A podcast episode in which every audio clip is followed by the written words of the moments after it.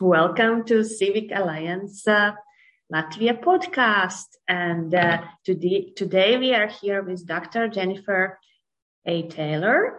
She's expert in uh, philanthropy, uh, volunteerism, civil society, and she's from United States of America. Dear Dr. Taylor, could you tell something uh, more about yourself? Please int- introduce yourself. Yes, I have been a college professor for the past 10 years. And before that, I worked in nonprofit management and I did a lot of work and volunteer work with youth service organizations, uh, youth sports, youth development. Uh, at one point, I've managed a homeless shelter.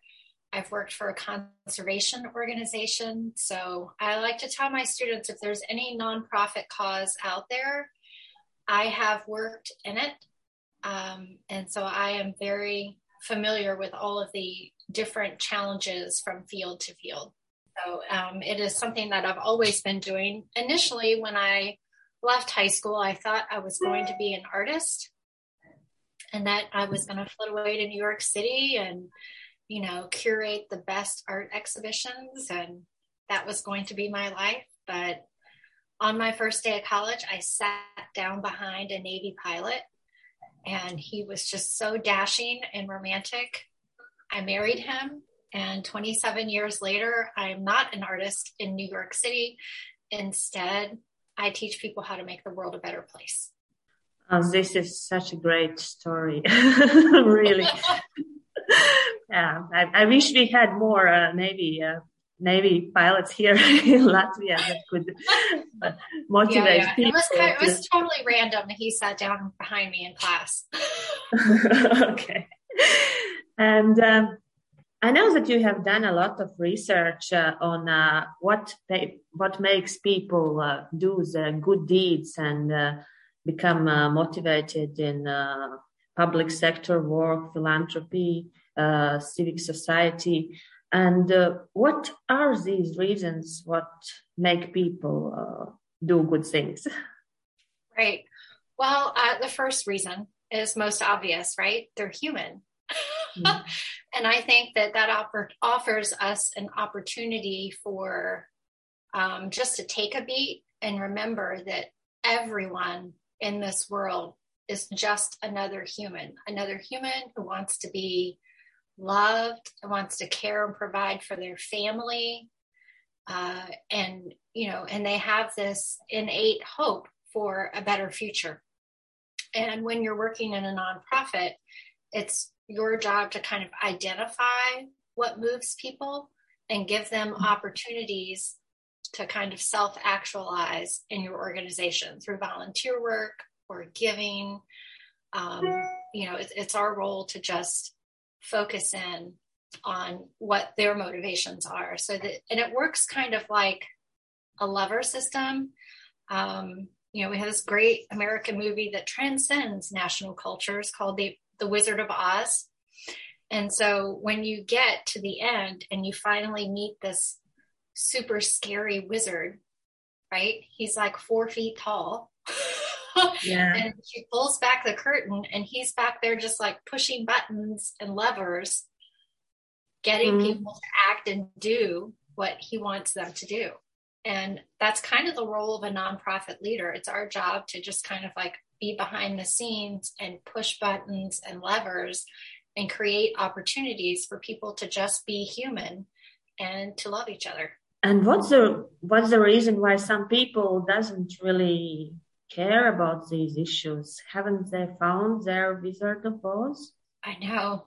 That's a very eloquent way to say that. so maybe they haven't found their Wizard of Oz, right? Um, but, you know, Dorothy didn't get all the way to the wizard by herself, right? So she had the help of her friends and family to get there.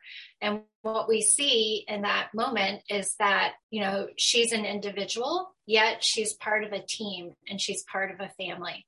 And she would have not successfully made that journey all the way to the center of Oz and then all the way back out again by herself. she had to lean on the support of others to do that. And so when we find people that don't care or are uninterested, perhaps it's that they haven't been asked in a meaningful way, or they feel like in some way that no one cares about them individually. Because when you stop and you listen to them individually, then you begin to hear what their barriers are you know, the research that has been done in this area, particularly in the US, but there has been some cross cultural research around the world, uh, kind of defines this as public service motivation. And, you know, I see this in my classes because no one comes to college and declares that they want to be a public policy and administration major. Like that does not happen in the US on its own. On day one, 18 year olds come in and say, they want to be a policy analyst. Like it just never happens. But what does happen is that we have a very competitive business school at our university, and students will get halfway through the business school program and they can't really put their finger on why they don't like it. It's very competitive, it's very cutthroat. About 60% of the students fail out of the program just before their junior year and they have to find another major. So they come to me because I have management in the name and they end up, and the first thing I do is I give them a like a values inventory and I let them identify the values they think are most important in work and in themselves. And what they articulate are all values that are public service oriented values, things that you want people in your community to care about equity, justice, fairness, accountability, transparency. These are all pro- public and nonprofit civil society oriented values. They're grounded in something that is uniquely public interest oriented. And if I were to give the same value survey to those business school students, what I would find is they don't choose those values. yeah. Right? They choose values like individualism, liberty, but not liberty in like the, the French Revolution version of liberty, mm-hmm. not like that. liberty like capitalism, yeah. right? Without bounds, un, unchecked capitalism. And, and so they're choosing very market oriented values, which are self interested or company interested, right? And mm. it, it's just not consistent with the value set that people who have a high public service motivation have. And so when we started in this field investigating, why is it that some people will sacrifice everything for the sake of others and other people won't? What is the difference? Right. And the US operates on a completely all volunteer military, one of the most highly trained militaries in the world and well resourced that has primarily a humanitarian mission associated with it. And so we want to know why, how do we survive with this? And then how do we get people to sign up for this? And then who signs up for it and why do they sign up for it? And when we look back at the research, we find that there are kind of five dimensions of public service motivation. And these servicemen and women kind of peg out on all of them. So they are compassionate to a fault. They have deep levels of compassion. They are empathetic, right? So they can instantly put themselves in the shoes of the other people around them. They manage to, this is pretty unbelievable, but believable because it's very rare that I have students in my classes that peg out on self sacrifice. And self sacrifice sounds exactly like what it sounds like. Are you willing to throw yourself on an IED to save the people around you? Right? Mm-hmm. Very few students will peg out on self sacrifice. But if you do, my research suggests um, you're more likely to be very successful in the military as a profession because you have this particular value and it informs everything that you do. The other pieces are like attraction to public policy making. And I think I've covered them all. So I think that those five dimensions are really, really powerful because they are dimensions that we don't see in motivation theories for other types of populations. But I think your the larger question here is is okay now that we know what makes people different public service oriented versus you know private sector and the market how do we bottle this and give it to everyone in times of crisis.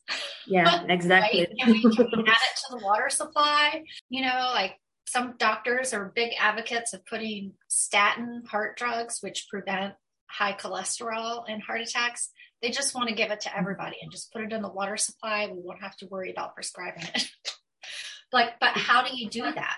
Well, the research shows that you have to your your country and your community has to be really focused in on harnessing, teaching, you know, and really being very strategic about how you raise the next generation mm-hmm. because the generation that comes after who is leading the country now the generation that comes after is going to be the generation that leads in the future and mm-hmm. they won't have had the same experiences as you and you can't assume that they have or that they heard or they were paying attention so it's important to develop kind of a civic values kind of educational program. And you can do this in a number of different ways. So you could have third party run by NGOs kind of character education in the school system and public service opportunities. So, like they're doing, you know, food drives or resource drives, and they're learning in depth about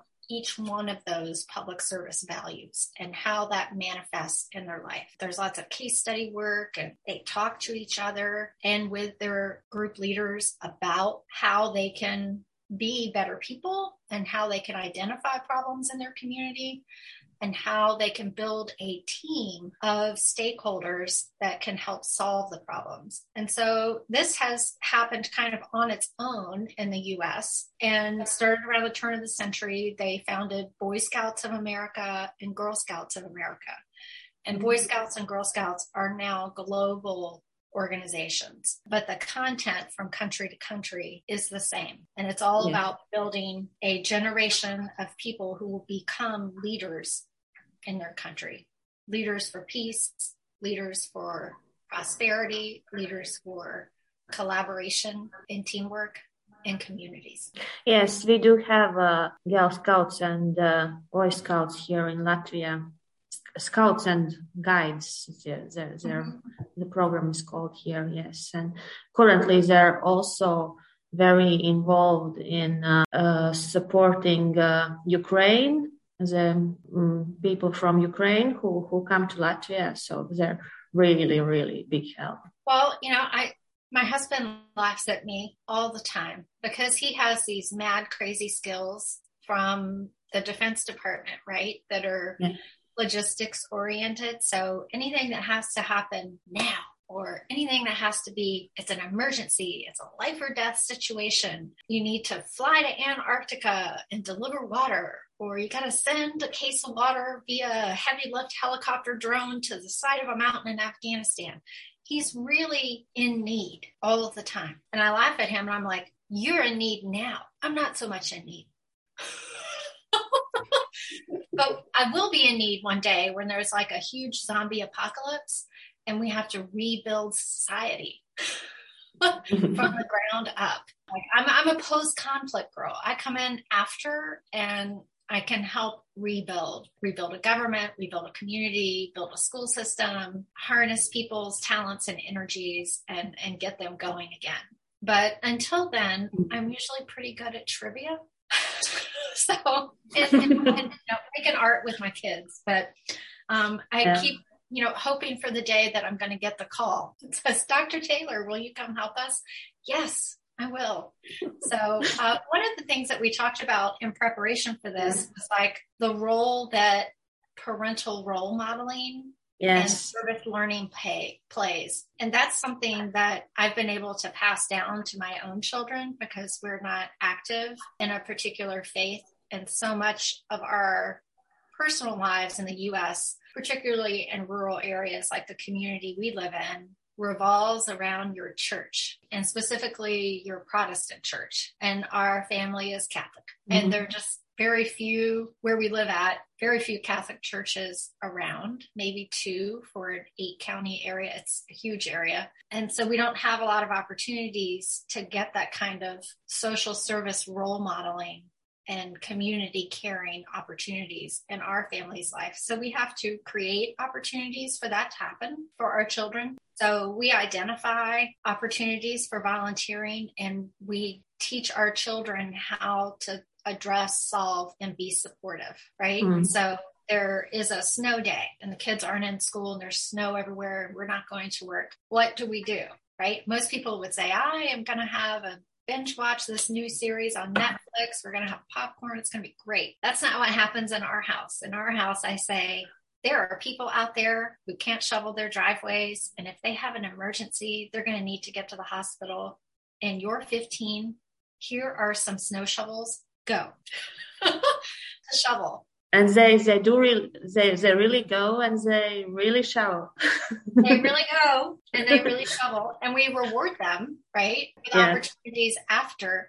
But we want them to think that when the snow falls it creates a problem for someone else. And it's your responsibility to mm. think about those other people and think about what are the unintended consequences of an unexpected snowfall in a community with a lot of old people, right? And all throughout COVID, we did the grocery shopping for our neighbors. We drove them to medical appointments. We so there was a lot of caring, and they our family doesn't live near us. Plight of a military family, right? We're always stationed places where our friends and family aren't located. So we have to create family for ourselves and and be connected in a very specific way to the community.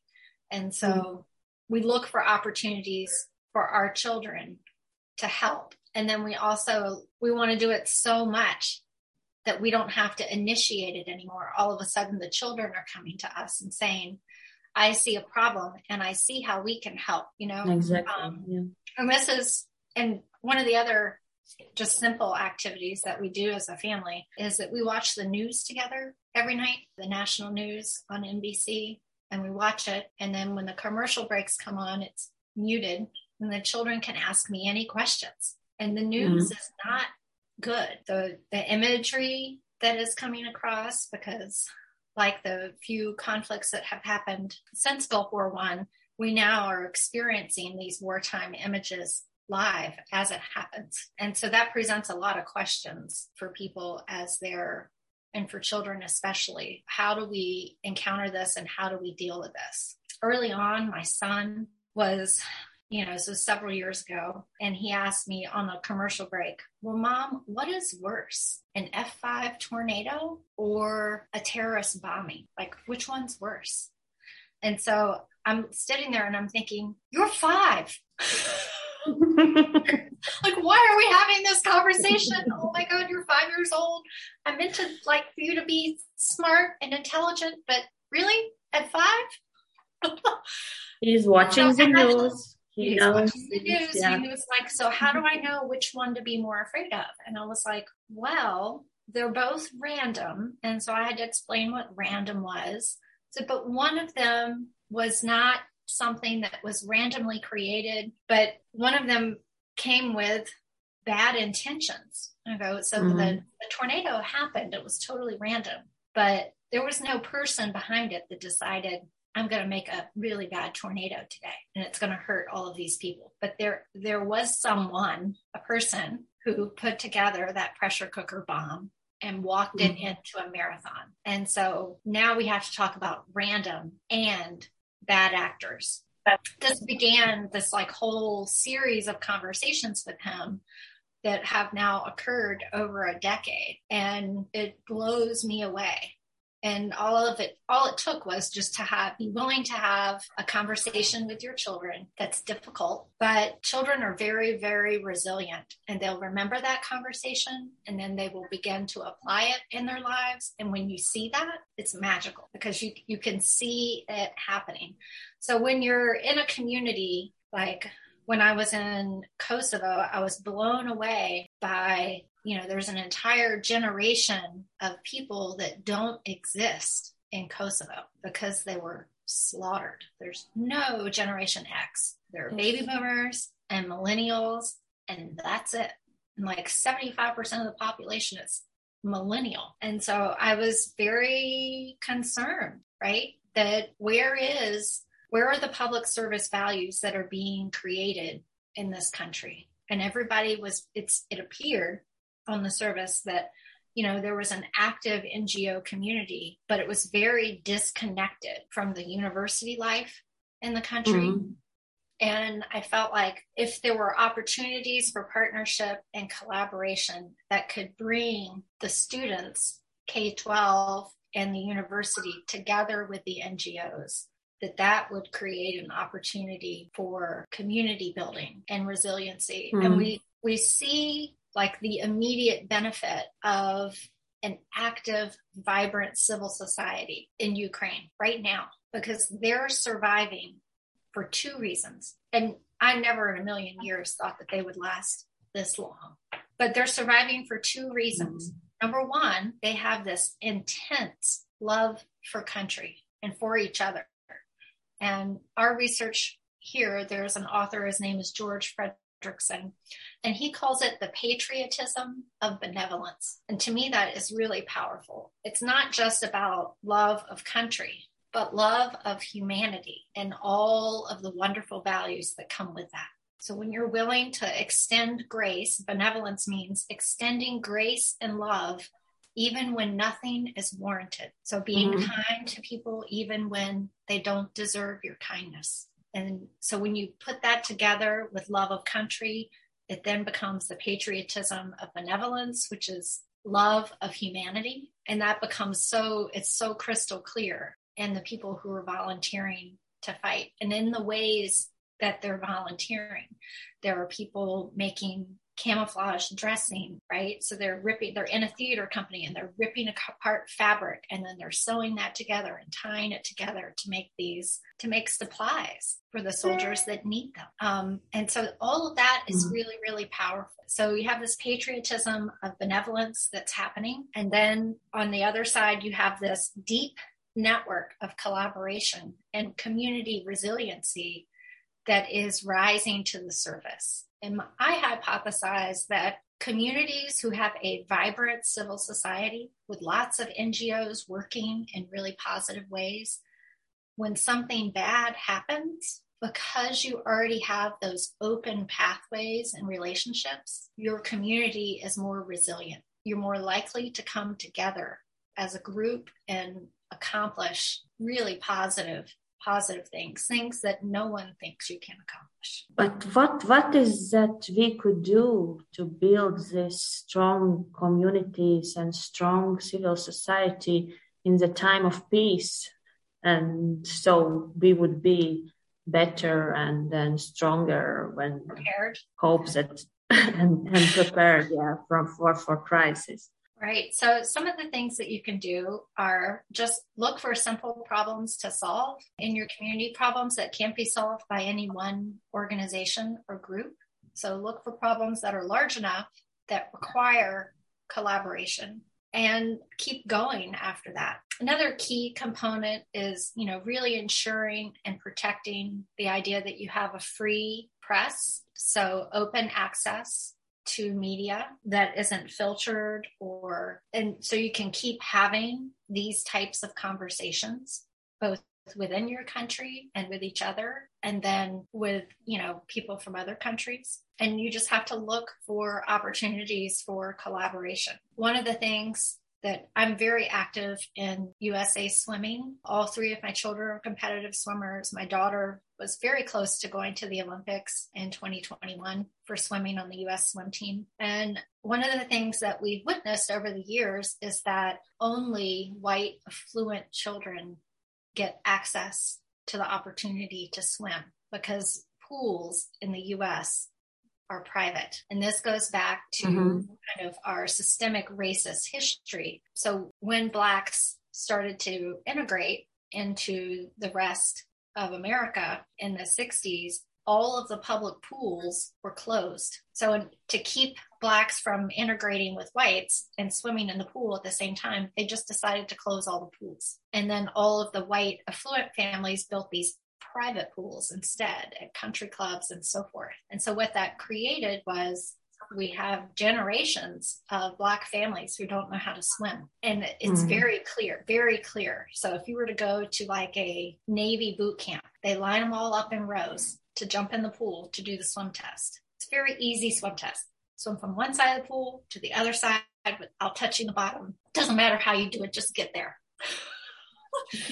And okay. all the white guys go in and all the white guys swim across the pool and then all the black guys come in and they jump in and they sink right to the bottom. Yet they're joining the Navy. I'll never understand it, but they, and they don't know how to swim. And it's, it's crazy apparent. And then you can look at our Olympic swim team and there are no, there are no black members on the swim team. Diversity. One. And that's it. Okay. So, you know, there is a systemic problem in terms of access to that sport. And while it's not really a crisis per se, there are things that we can do to draw attention to that that can can help solve that problem right? And one of the big things that we found out and my daughter and i have been working on this is that it's all about swim lessons. So when the pools closed the black families had no one to teach their children how to swim and the parents couldn't swim so they just stayed away from water period. They just didn't do that and if we just give everybody the opportunity for free to learn how to swim as a life skill, that would dramatically change everything. Less children would drown, drown, more people would live. Then these people who know how to swim would then teach their children how to swim and their grandchildren how to swim. And it's a really simple thing, but all you have to do is remove the barrier. And it's not something that any one organization in a community can solve. It's going to require like a multi sector collaboration a movement. And so yeah. social movement, it's important. And so, and you have to be able to do this in peacetime, solving big problems mm-hmm. like that during peacetime, because you'll already have those relationships established and you know who to call. There is a theory in marketing literature called the trust commitment theory. And basically, if you want someone to buy something from you, before they buy, they have to trust you, right? I mean, that's why we're always super suspicious of used car salesmen, right? Because everybody can trust them and they're going to sell you a lemon car for an inflated price, right? But there's something to be learned there, right? And so by by volunteering in these ways during peacetime and, and modeling to your children how to solve problems in their community and building this kind of all inclusive network approach to building public service values in the next generation and getting them to care about each other and what their community looks like and how we respond to things and being really open with the next generation about what's happening in the world and how we can go about solving it or stopping it. You know, doing all of these different strategies builds this community resilience that I think is really, really powerful and and actually it's uh, when you speak about the swimming it reminds me the same is about the civic education. You could put swimming on your curriculum and you could put uh, civic education on curriculum. And so people would learn to swim they wouldn't drown and they would learn to volunteer and to do good things. And there we would have a better society, better and, and so, safer. Yeah, one of my experiences when running a homeless shelter in Corpus Christi, and it was for young women, targeted towards young women and their children specifically. And the women were trying to leave their families and connections to the Mexican drug cartel. So it was very, it was very dramatic and a little scary sometimes, right? Mm. Because they would come after and looking for the women and their children. But what we found was, you know, not a lot of people want to volunteer in a homeless shelter because it makes them feel bad about their own lives. And for super compassionate people like me, it's difficult because I want to start like putting people up in the garage in my house. Like, yeah. so I had to put some separation there. But one of the most reliable volunteer groups that we had were people that were mandated to volunteer from the court system. So kids that got in trouble and they go to court and the judge says, you need to do 300 hours of community service as your punishment. Not many NGOs will take someone who's been court ordered for community service. And I'm like, well, as long as they're not a sex offender or murderer, I got them. Bring it on. I don't care what they've done.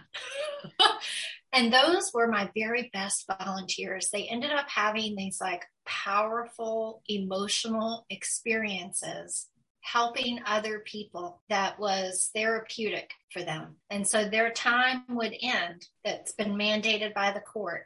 I would sign off on all of their hours. And those kids would keep coming back because it was an opportunity for them to just be themselves. They didn't have to hide what they did or why they were there.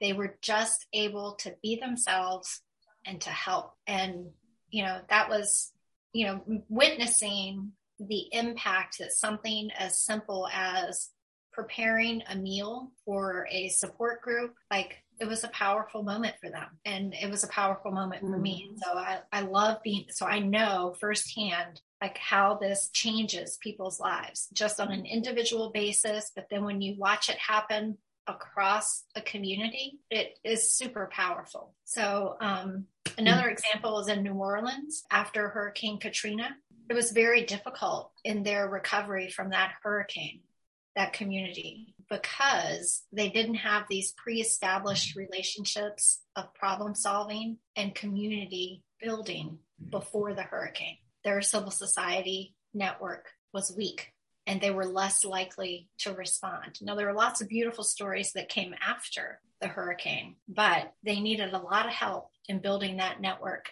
back up. And, and because they didn't have that, you know, vibrant civil society before the hurricane. They then, you know, people were left out in the emergency planning and were not part of it. And so they were left behind in the city. And those, I remember those horrible images from the Astrodome and, you know, people on rooftops waiting to be rescued and people who didn't get rescued. I mean, it was, it was quite moving and sad and the whole, I just kept wondering, how could this happen? How could this happen in the U.S. that it's like this. But then you look at a at a different disastrous event in the US and you see people came together after 9/11 in the New York community. They had a very resilient community there that was different from New Orleans. So the experience of people in that community and their ability to be resilient was very, very different. And I have to think that it has to do with the the values and the experiences of the families that live there and those pre-existing relationships between community groups. And is there some way that uh, we can uh, work with these communities through public policies? for example? Yes. So I would start first with, you know, your Department of Education mm-hmm. to kind of identify what is the character curriculum that we would like to implement and how do we do that in the existing school system? How do we add in components as the students get into middle school in high school that involve service learning, where they're having supply drives or they're working on, we call them done in a day projects. So, a project that can be completed in one day, whether they're painting a house or building a wheelchair ramp, thinking along in those capacities, right? And it's going to take public policy to change or implement at the national level a change in the curriculum, right? So I would look there and then, you know, encourage the organizations in your network to think about how can they invite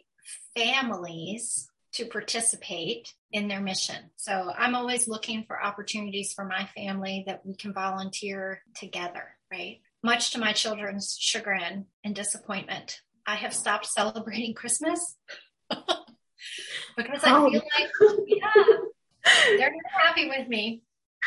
I, I have stopped celebrating Christmas in the traditional American way because it just bothers me. I feel so guilty about all this stuff, like buying stuff, mm. you know, mm. and there are people who don't even have enough food to eat or a place to sleep on Christmas Eve. I would rather be with them, like cooking a meal, serving a meal, that you know i should be operating from a place of and and they should be operating too from you know gratefulness. So i i stopped celebrating christmas.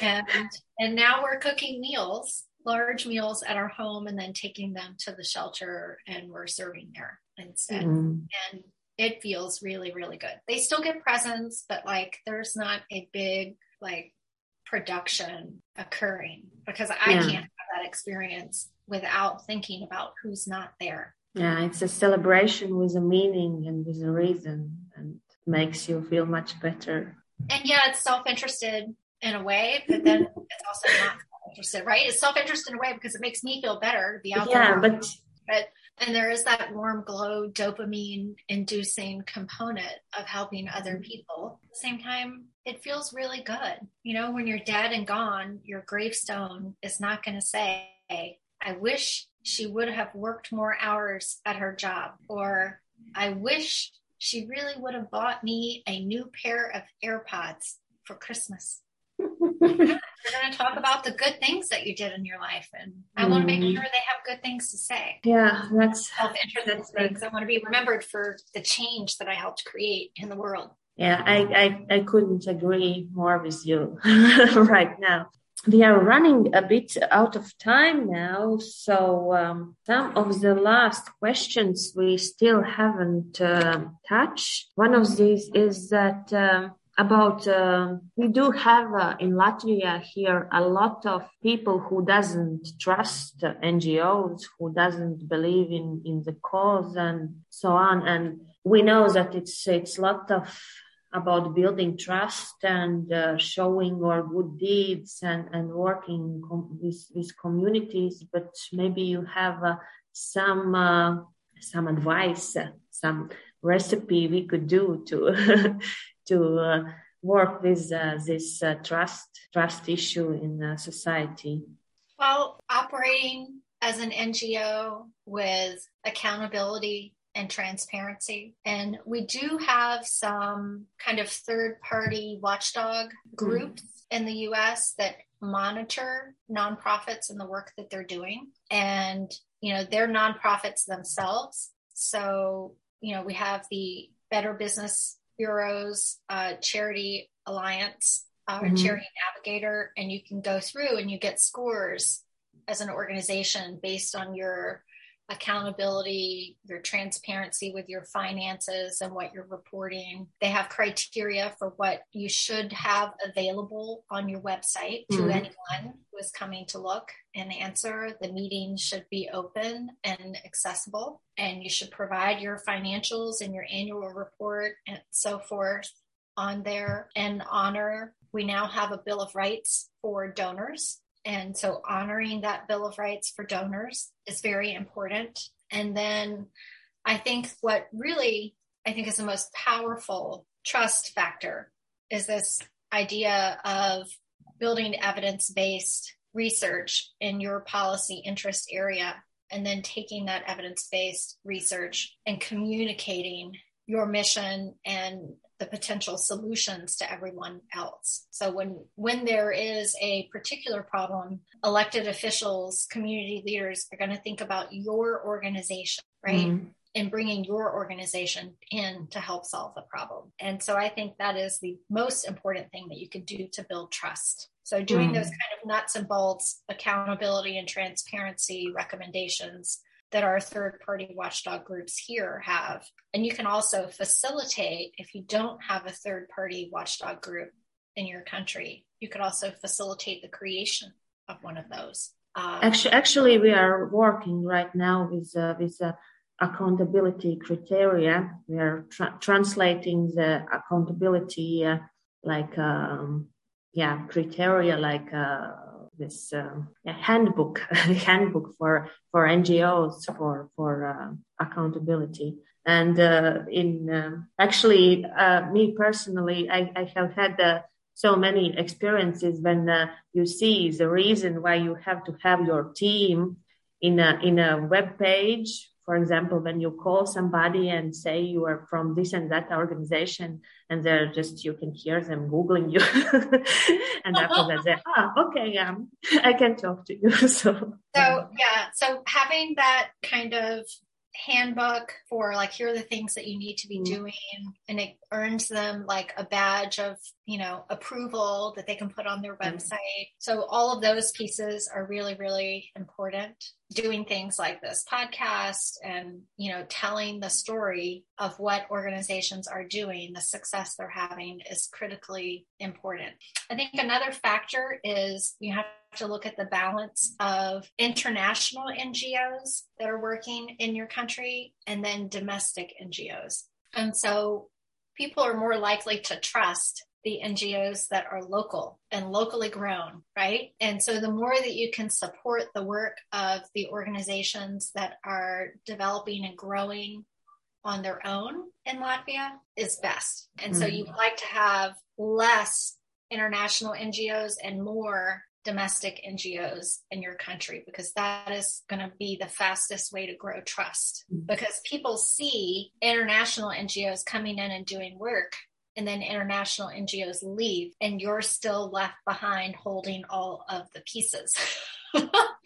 so people are more likely to trust people in their community who are already doing that work. So I would encourage the growth of the domestic based NGOs and have less reliance. And there's a lot of really large ethical questions about international NGOs and why are they there and what is their motivation? Right? When really we should just be worried about helping each other. so, that's, that's and when right. you look at what's happening in Ukraine, and that is just so close to where you are, the difference that the success, the things that are happening in Ukraine are happening through these pre existing networks of support. And it's powerful, quite powerful to see and witness all of that happening. So, so I think one of the last questions you had for me uh, was about the podcast that I listened to. yes, yes, yes, exactly. I know that you like podcasts.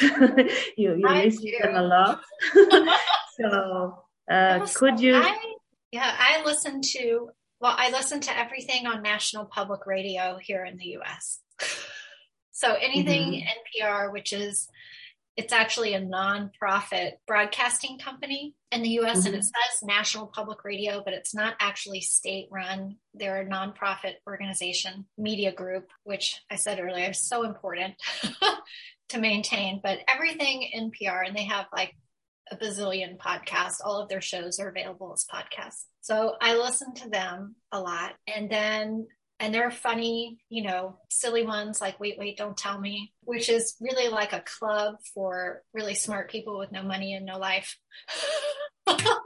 so it's just a bunch of nerds getting together and laughing, um, which I think is funny and uplifting. And then I listened to a pair of scholars, uh, and they have a podcast called No Stupid Questions. And the one scholar, Dr. Angela Duckworth, is a industrial organizational psychologist. So she studies the why people do the things they do at work, right? And uh, the other guy is an economist from Harvard, and he understands why people make consumption decisions. And they sit down and they break down the most stupid questions.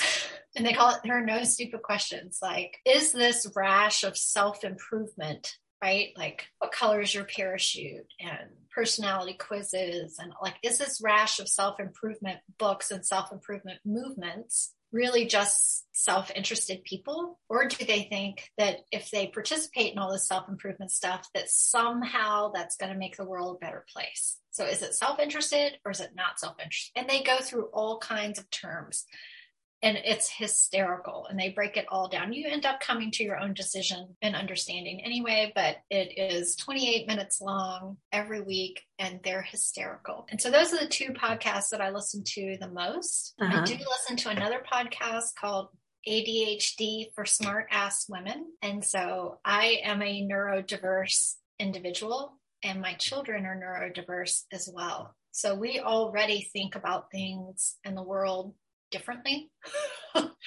and then there are all these, you know, negative side effects of having such a learning disability, but there are all these positive side effects as well. And so every major weakness that we have is also a major strength. And I love listening to this podcast because it connects me with a group of super smart, super accomplished women all over the world who all have the same learning disability that I have. And so that makes mm. me feel like I'm not alone and that maybe it's okay to be a little weird. And then I'm starting my own podcast. And our podcast, we're in production right now on our first episode. So I'm learning all the ins and outs of editing. Uh-huh. And so it should be ready to go. We'll have three podcasts by ready to go by April 1st. And the title of our podcast, which will be available on Spotify and Stitcher and iTunes, is We Grow Social Impact. And mm-hmm. basically, it's an in depth look at, and we're going to be talking to social change makers all around the world about how to create positive change in your community, uh, whether that's through philanthropy, uh, volunteerism, public policy, and advocacy changes. So, yeah, we just want to keep telling the stories of people doing great things all around the world. Sounds great. So, we will definitely check it out after April 1st, right? Yes, after April 1st.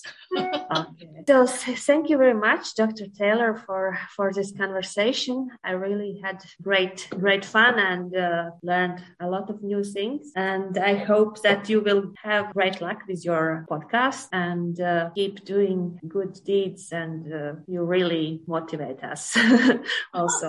Hearts are with you and hang in there. Keep doing the good things.